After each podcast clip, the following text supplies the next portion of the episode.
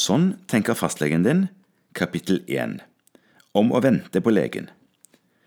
Det er mandag morgen, og jeg prøver å komme meg så tidlig som mulig på jobb. Særlig dersom jeg ikke har vært innom kontoret i løpet av helgen. Fastleger møter mange pasienter i løpet av en dag.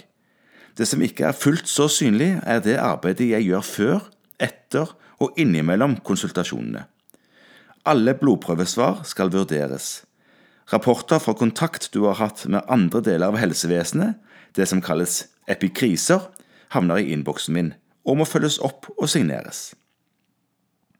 I tillegg er det forespørsler fra hjemmesykepleie, Nav, forsikringsselskap eller fra pasientene mine å ta stilling til.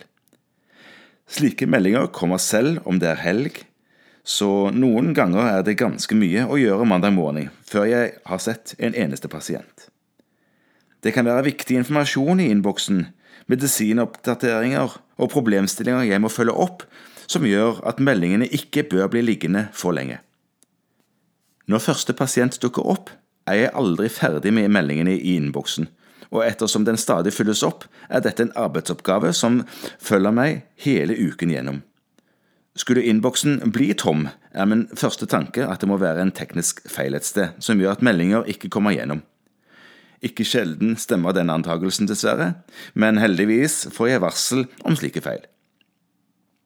Jeg har 15 minutter avsatt til deg. Hvor lang tid jeg vil bruke, styrer jeg selv, men myndighetene har lagt føringer slik at det typisk er 15 eller 20 minutter som gjelder. Noen ganger er det tilstrekkelig, men andre ganger vil det ikke være nok, verken for deg eller for meg. Med årene har jeg begynt å råde pasientene til å ta med problemliste altså en liste med det de ønsker å ta opp med meg.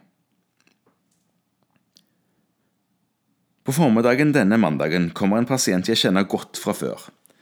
Gunnar heter han og har med seg en liste. Timen var opprinnelig satt av for en blodtrykkskontroll, men han har også vondt i pannen, bak øynene og lurer på hva det kan være. I tillegg har han noen spørsmål om sønnen som fortsatt, selv om han akkurat har begynt på skolen, tisser i sengen flere netter i løpet av uken. Til sist lurer han på om han kan få fjernet en liten kul på ryggen som han har hatt i alle år. Alt i alt har han altså fire saker han ønsker hjelp til. Jeg forstår med en gang at de avsatte 15 minuttene ikke er tilstrekkelig for å rekke over alt dette. Men med problemlisten som utgangspunkt er det naturlig å starte konsultasjonen og forklare at vi kan vurdere blodtrykket og smertene i pannen i dag, mens de to andre tingene nok må vente til senere.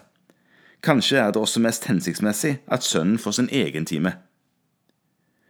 Noen problemstillinger hører sammen, som for Gunnar, hvor hodepinen kan være et symptom på høyt blodtrykk. Da bør de håndtere sammen for å få et helhetlig bilde.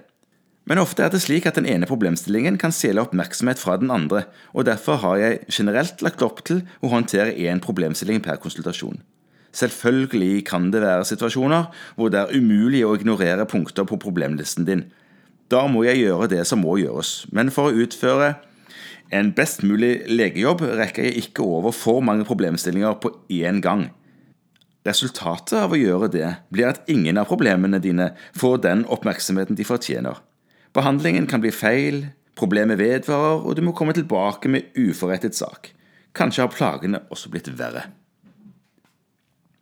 Det er lett å være misfornøyd med legen sin da, og den samme misnøyen kan jeg også kjenne på fordi jeg føler jeg burde gjort en bedre jobb. Dersom for mange ting tas opp samtidig, kan jeg bli engstelig for å overse viktige detaljer.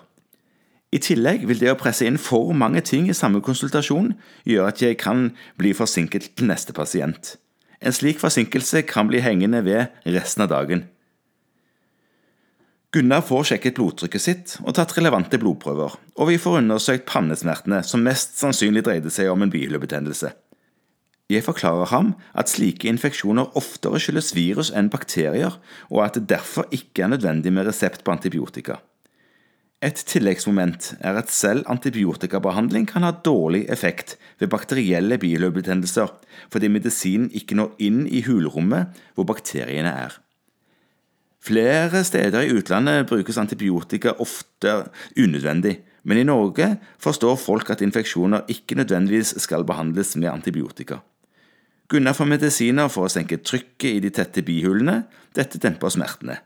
Han forstår at antibiotika mest sannsynlig bare vil gi bivirkninger uten å slå ned infeksjonen raskere. Faktisk er han glad for å slippe å måtte ta antibiotika. Sengevætningsproblemet til sønnen og kulen på ryggen blir satt opp som tema for nye konsultasjoner. Om kulen på ryggen må fjernes, må man først vaske området rent, og så sette bedøvelse, vente på at den skal virke, for så å skjære bort. Gunnar forstår at alt dette vil ta for lang tid innenfor rammene av denne konsultasjonen. Tanken på å bli skåret i ville nok fått blodtrykket hans til å stige, og hva var da poenget med blodtrykkskontrollen? Nei, da var det nok bedre å ta alt dette hver for seg, og jeg rekker neste pasient til oppsatt tid. Jeg liker ikke å være forsinket, og prøver så godt jeg kan å være på tiden. Dette er også grunnen til at jeg alltid ønsker at du skal møte presis til timen. Kommer du ti minutter for sent, blir det i praksis ikke tid til å være en god lege. Vi får kanskje ikke gjort annet enn å avtale ny tid for ny konsultasjon, av hensyn til neste pasient som møter punktlig. Du kan sikkert synes at dette er urettferdig, for hvor mange ganger har ikke jeg måttet vente på deg? Selv om jeg stort sett holder tiden, har pasienter ventet på meg av og til. Og du har kanskje en lege som du har ventet på både titt og ofte. På tross av lister med problemer og fordelinger og problemstillinger til nye konsultasjoner, kan selv det ene problemet på listen din kreve mer tid enn det som er avsatt. En alvorlig diagnose, et samlivsbrudd, en psykisk sykdom er bare få eksempler. En dag er det kanskje du som har behov for mer enn 15 minutter. Da skal du få den tiden du trenger.